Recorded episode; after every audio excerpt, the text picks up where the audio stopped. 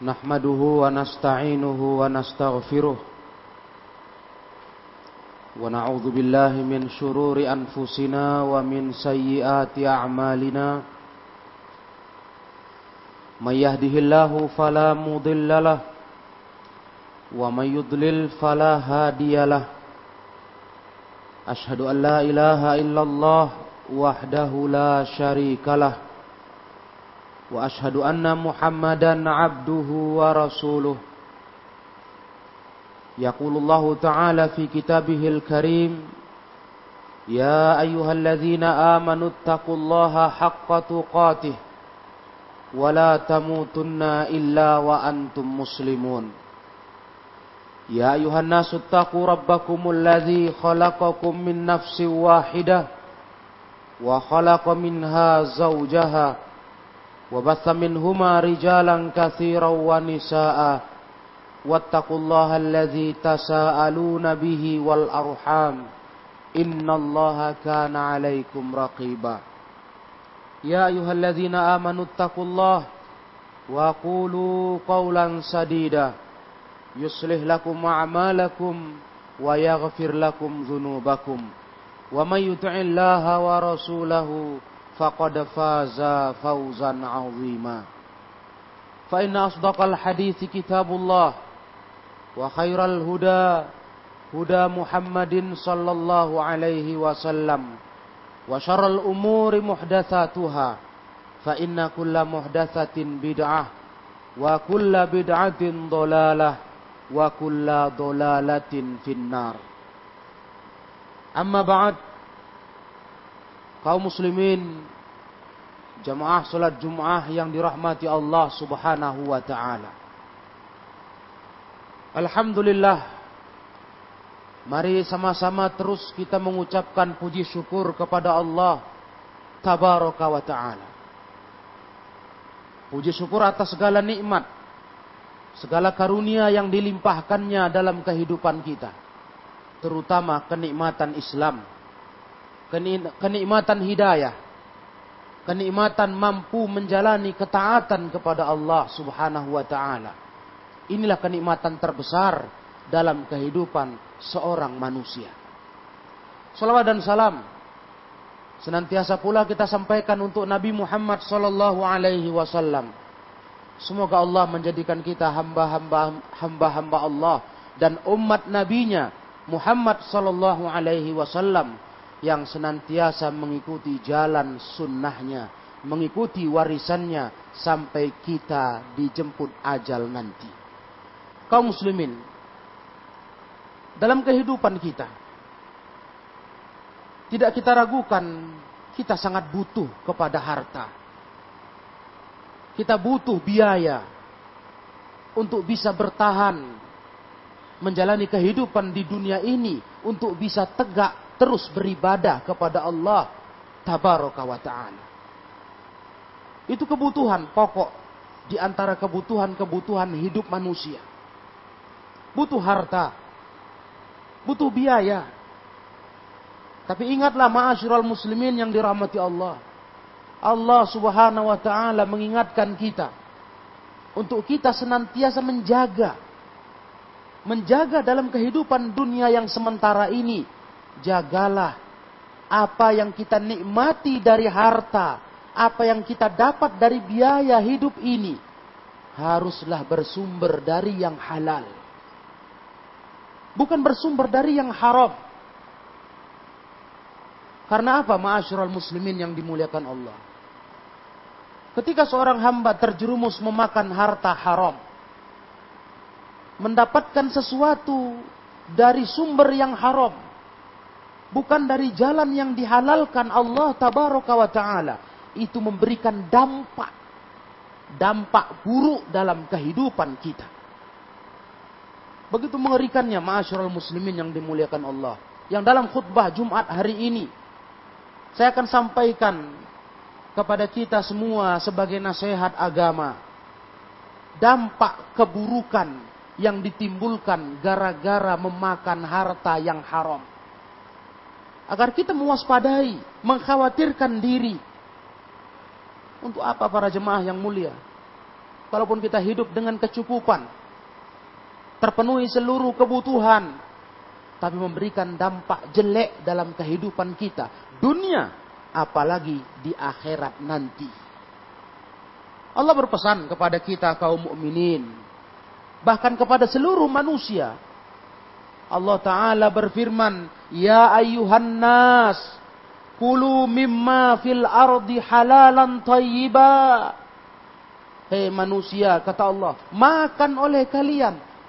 Makan seluruh yang ada di bumi ini. Tapi yang halalan toyiba.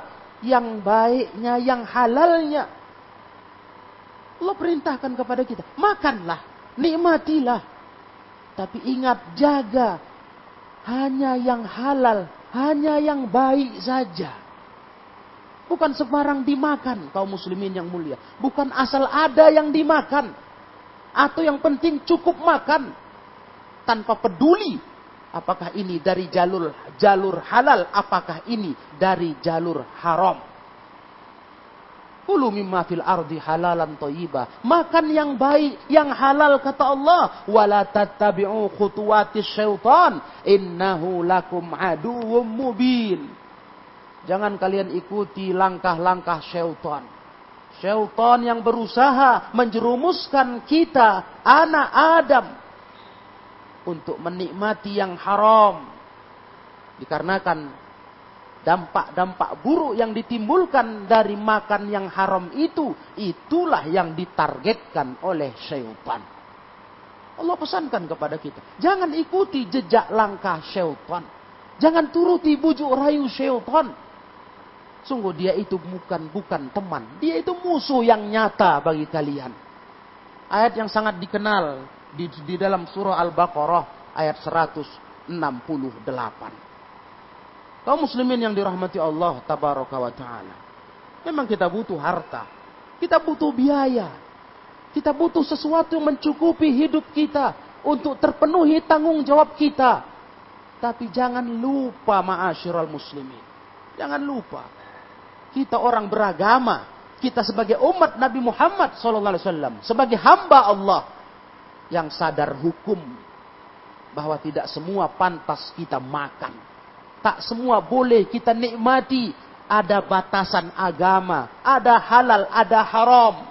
Bahkan di yang halal pun Allah pesankan.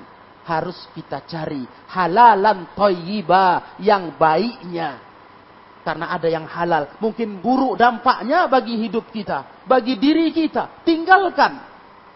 Kita disuruh cari oleh Allah yang halal dan yang baiknya. Itu yang kita makan. Maka ma'asyiral muslimin yang mulia. Berikut ini.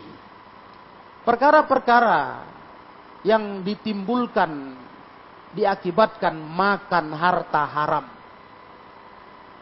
Yang seorang muslim mestinya mengkhawatirkan hal ini menimpa kehidupannya. Dampaknya begitu buruk. Sedangkan kepuasan diri dari makan yang haram itu sementara. Kecukupannya sementara. Tapi akibatnya sungguh panjang sekali.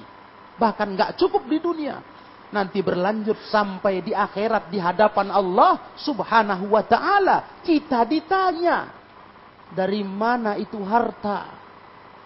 min aina iktasabah itu didapati dihasilkan dari mana sumbernya dari mana itu mau dijawab nama asyural muslimin dari mana dapatnya ini salah satu pertanyaan yang wajib dijawab seorang hamba kalau tidak tidak akan bergerak beranjak kakinya dari hadapan Allah Subhanahu wa taala Dampak buruk yang pertama, ma'asyiral muslimin.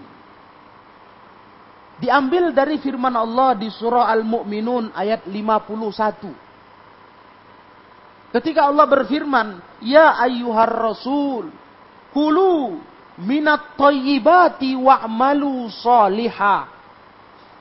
Allah perintahkan kepada Rasulnya. Kepada Rasulnya. Setelah tadi di Al-Baqarah. Kepada semua manusia. Wahai Rasul, kata Allah makanlah oleh kalian. Makan oleh kalian dari yang baik-baik saja. Yang halal baik. dan beramallah kalian dengan amal soleh. Dampak buruk pertama adalah masyirul muslimin. Makan harta haram. Hasil haram berakibat kita berat beramal soleh. Ayat ini dijadikan dalil oleh Al-Imam Ibnu Kazir. Rahimahullah dalam tafsirnya. Beliau menjelaskan Ketika Allah memerintahkan kepada nabinya, makan dari sumber yang baik-baik, sumber yang halal. Beramallah amal soleh. Maknanya kata Imam Ibnu Katsir, kalau kita makan dari yang halal yang baik, kita akan ringan beramal soleh. Badan ini gampang dibawa buat taat. Begitu kita makan yang haram. Kita makan hasil penghasilan haram. Maka tubuh kita akan terasa berat beramal soleh. Maka salah satu yang harus diperiksa dalam kehidupan kita. Kalau terasa badan ini mulai malas beramal soleh. Mulai malas diajak berandil beramal soleh. Coba pertanyakan sumber penghasilan kita. Apakah masih dari jalur jalur halal atau mungkin sudah menyimpang dari yang haram. Karena tidak mungkin dipungkiri para ikhwah. Kaitannya erat antara amal soleh itu dengan sumber makan kita, sumber penghasilan kita, apakah dari halal, apakah dari haram. Dan betapa mengerikannya, kita sudah bisa bayangkan, kalau hidup yang sementara ini sudah tak mampu membawa badan beramal soleh, apa nanti mau dibawa mati, masyarakat muslimin. Amal soleh itulah modal mati. Tapi di situlah kita malah malas, berat, penuh dengan alasan-alasan dan rintangan serta halangan. Ternyata kita kurang koreksi diri.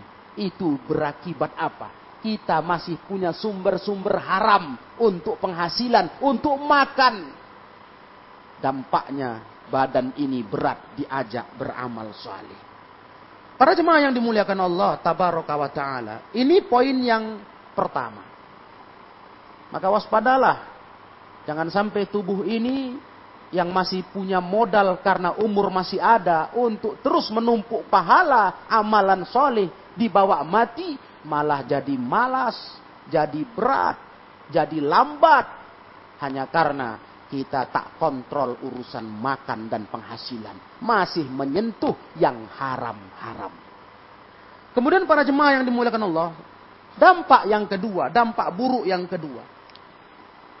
Dengan kita makan yang haram, itu semakin mendekatkan kita untuk lebih menjadi orang-orang yang disiapkan Allah menjadi bahan bakar api neraka. Dikarenakan tubuh manusia ketika terus diisi dengan yang haram, tidak yang halal, itu tubuh itu semakin menjadi-jadi untuk disiapkan bahan bakar api neraka. Nauzubillah. Maka jangan salahkan siapa-siapa. Kalau ternyata ketika kita dibangkitkan di hadapan Allah, nerakalah tempat kembali.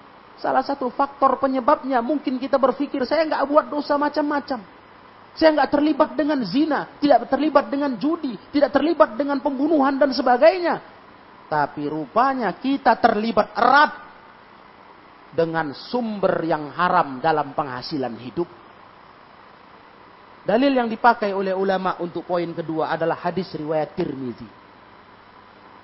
Imam Tirmizi meriwayatkan dengan derajat yang hasan. Rasulullah pernah menasihati Ka'ab bin Ujrah. Kata Nabi, Ya Ka'ab bin Ujrah, innahu la yarbu lahmun nabata min suhtin illa kanatin naru awla bih. Hei Ka'ab bin Ujrah, kata Nabi. Sungguh tidak tumbuh satu daging pun. Tidak berkembang satu daging pun yang tumbuh dari yang haram. Kecuali nerakalah yang paling pantas untuk daging itu. Jadi ternyata masyarakat muslimin. Kita makan yang haram, kita ambil sumber haram, penghasilan haram, sama. Kita sedang menyiapkan diri kita untuk jadi bahan bakar api neraka. An-naru aulabi kata Rasul. Neraka yang paling pantas untuk daging yang tumbuh dari yang haram. Nabata min suhtin. Tumbuh dari yang haram. Takutlah ma'asyiral muslimin. Nikmatnya tak seberapa. Senangnya tak lama. Kalaupun kita jadi cukup dengan sumber-sumber haram itu, sengsaranya luar biasa. Ini yang harus disadari oleh setiap mukmin yang mencintai dirinya untuk selamat kelak di depan Allah Subhanahu wa taala. Kemudian yang ketiga kaum muslimin rahimakumullah. Nabi sallallahu alaihi wasallam bersabda, "Idza dhahara zina war riba fi qaryatin, faqad ahallu bi anfusihim azab Allah." Ternyata ma'asyiral muslimin, makan sumber-sumber haram itu itu salah satu yang membuat kita memancing datangnya azab Allah. Ketika seorang mukmin mendapati berbagai bencana timbul di kehidupan. Apakah itu menimpa dirinya atau menimpa saudaranya, menimpa tempat tinggalnya atau menimpa kota lainnya. Ada yang harus dia periksa. Ada yang harus dia pertanyakan. Ada buat dosa apa umat ini? Buat masalah apa masyarakat ini sampai Allah datangkan, Allah datangkan, Allah munculkan petaka menimpa hidup mereka. Ada apa? Karena Rasulullah bersabda, kalau nampak muncul zina di umat Islam ini, sudah merata berbuat zina, zoharoz zina, war riba, dan sudah terbiasa orang pakai riba. Ini sumber yang haram, sumber makan yang haram, penghasilan yang haram, udah muncul itu fi koryatin di satu negeri. Niscaya mereka sesungguhnya telah mengesahkan azab Allah datang menimpa hidup mereka. Ibaratnya memancing azab. Masyarakat muslimin yang mulia. Tidak perlu kita bahas membahas terlalu panjang tentang sebab alam. Kenapa terjadi bencana? Baru saja. Belum lama. Kejadian kemarin. Bencana yang sungguh luar biasa dari sekian bencana yang pernah kita dengarkan beritanya. Meluluh lantakkan saudara-saudara kita yang tinggal di Sulawesi Barat. Kota Mamuju. Remuk redam, hancur dengan bencana.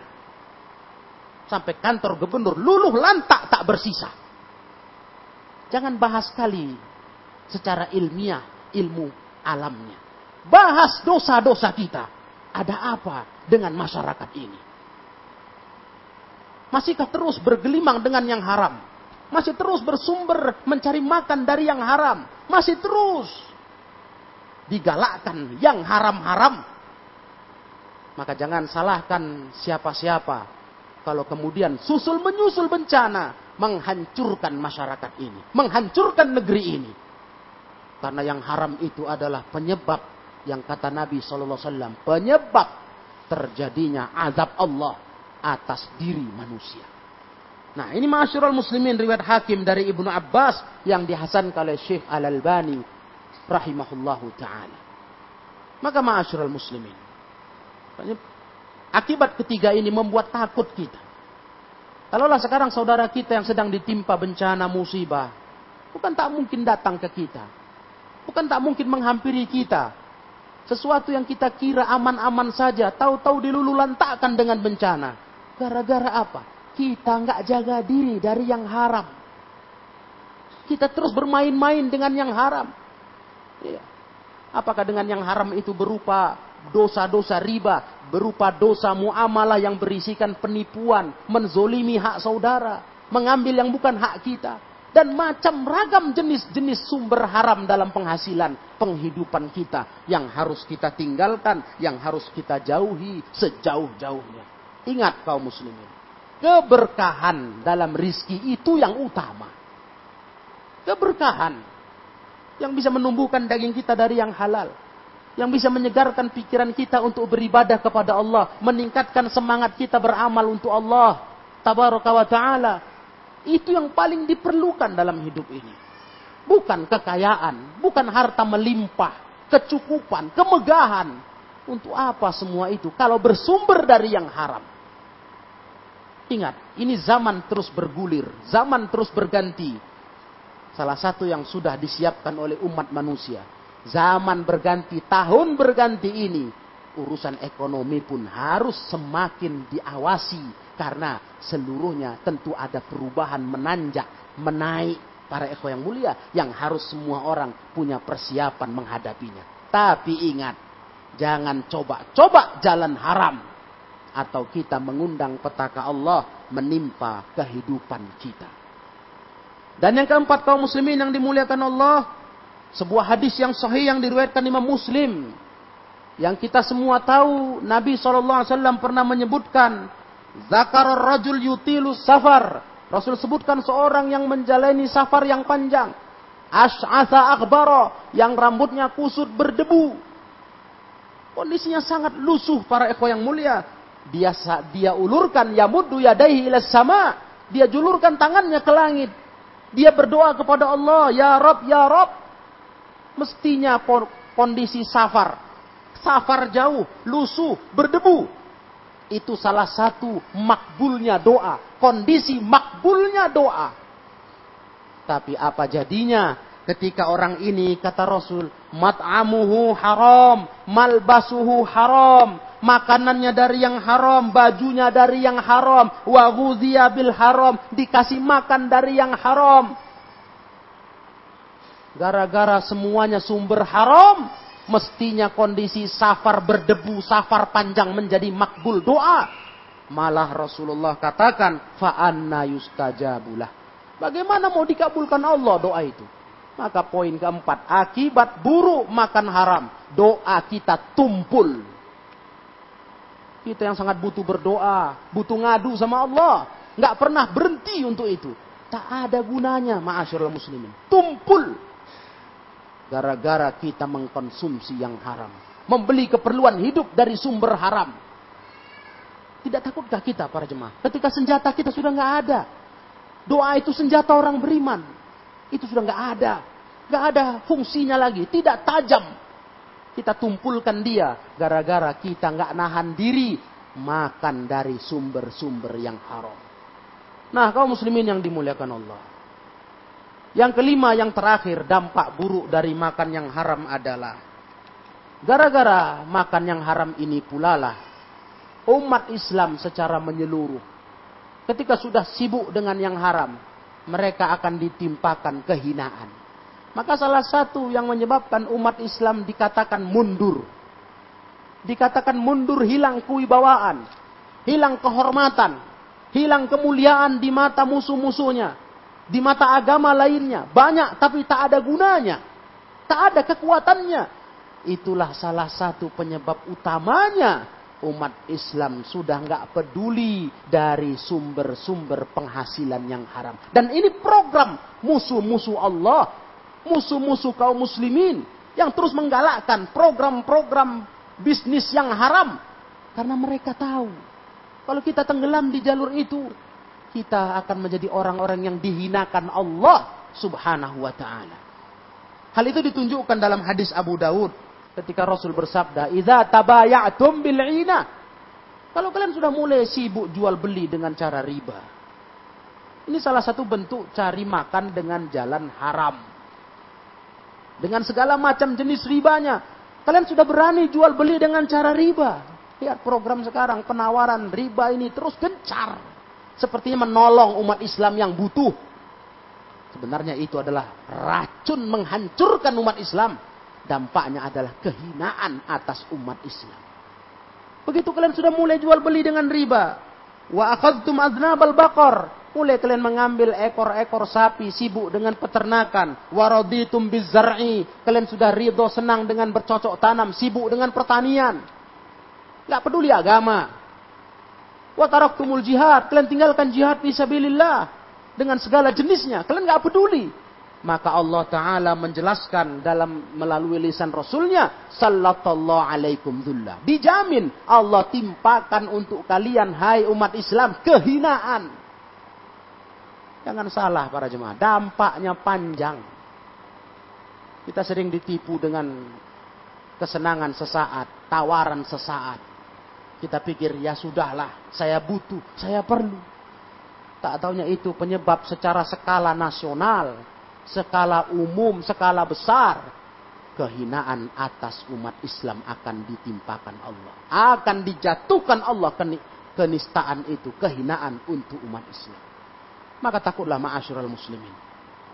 Ada yang menimpa pribadi-pribadi mereka yang makan haram dari lima poin ini. Ada yang menimpa seluruh masyarakat. Iya, dua poin menimpa seluruh masyarakat, kehinaan, azab. Tiga poin menimpa pelakunya secara individu Apalagi yang mau dipertahankan. Berhentilah kalau kita masih terlibat dengan sumber-sumber haram. Bertobatlah. Dan kalau kita tidak terlibat, jagalah diri. Sabarlah dengan keadaan. Sabar dengan rizki dari Allah tabaraka wa ta'ala. Keberkahan itu yang lebih utama daripada kecukupan. Tapi dengan jalan yang haram. Semoga Allah memberikan kepada kita kekuatan iman kekuatan hati untuk istiqomah dalam menjaga tubuh kita dari mengkonsumsi yang haram.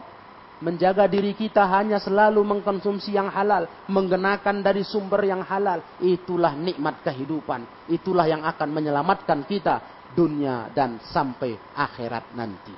Aku lu qawli hadha.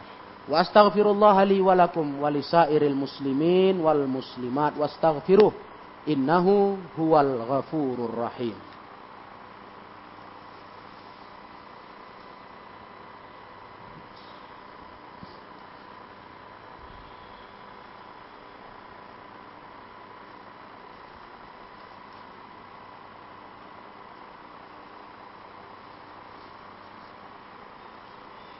الحمد لله الحمد لله الذي أرسل رسوله بالهدى ودين الحق ليظهره على الدين كله وكفى بالله شهيدا. أشهد أن لا إله إلا الله وحده لا شريك له وأشهد أن محمدا عبده ورسوله الذي لا نبي بعده.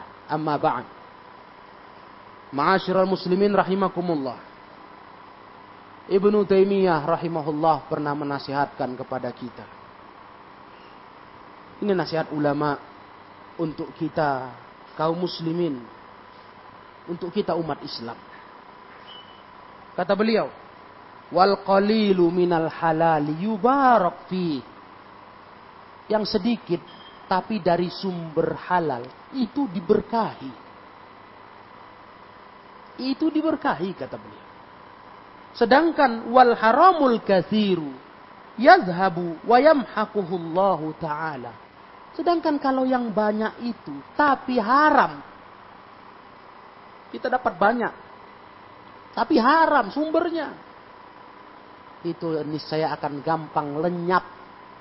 Cepat dihapus Allah dari kita. Tidak ada berkahnya. Gak membawa ketenangan hidup. Gak membawa ketentraman pikiran ini nasihat dari ulama besar kita. Jadi ma'asyurul muslimin, keberkahan yang kita harapkan. Yang bisa menumbuhkan diri kita, anak istri kita menjadi orang-orang yang baik, solih, mudah beramal kebaikan, sama-sama menumpuk pahala menggapai surga Allah Subhanahu wa taala.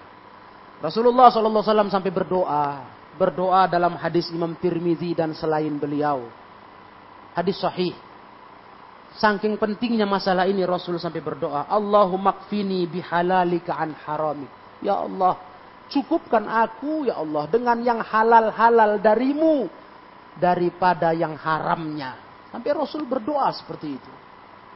Cukupkan aku ya Allah dengan yang halalnya daripada yang haramnya. Doa Nabi.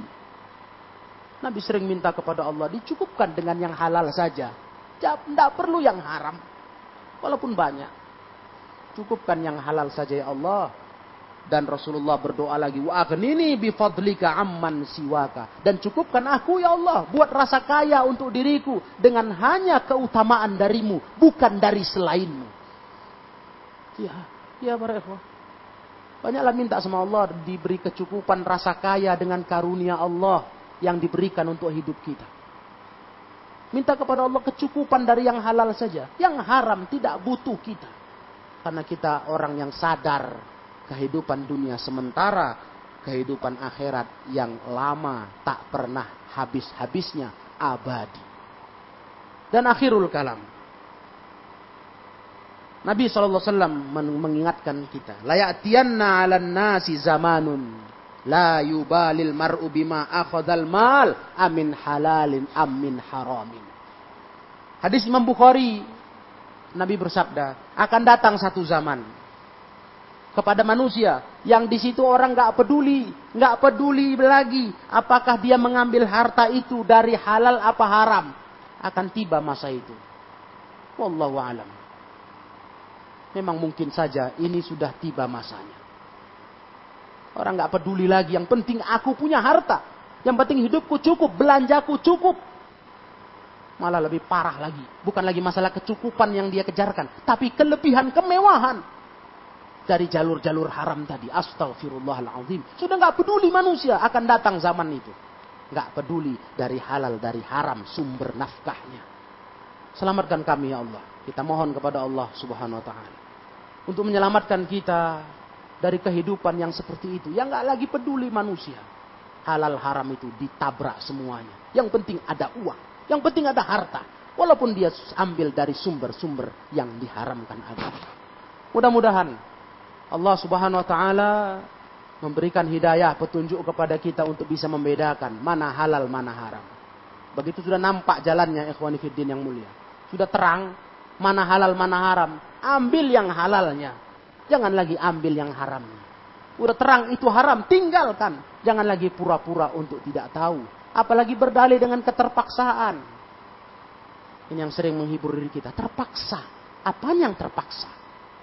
Padahal itu adalah sumber haram yang menghancurkan kehidupan kita. Ini yang kita minta kepada Allah agar senantiasa kita istiqomah dalam mengikuti agamanya. Allahumma salli ala Muhammad wa ala ali Muhammad Kama sallaita ala Ibrahim wa ala ali Ibrahim wa barik ala Muhammad wa ala ali Muhammad.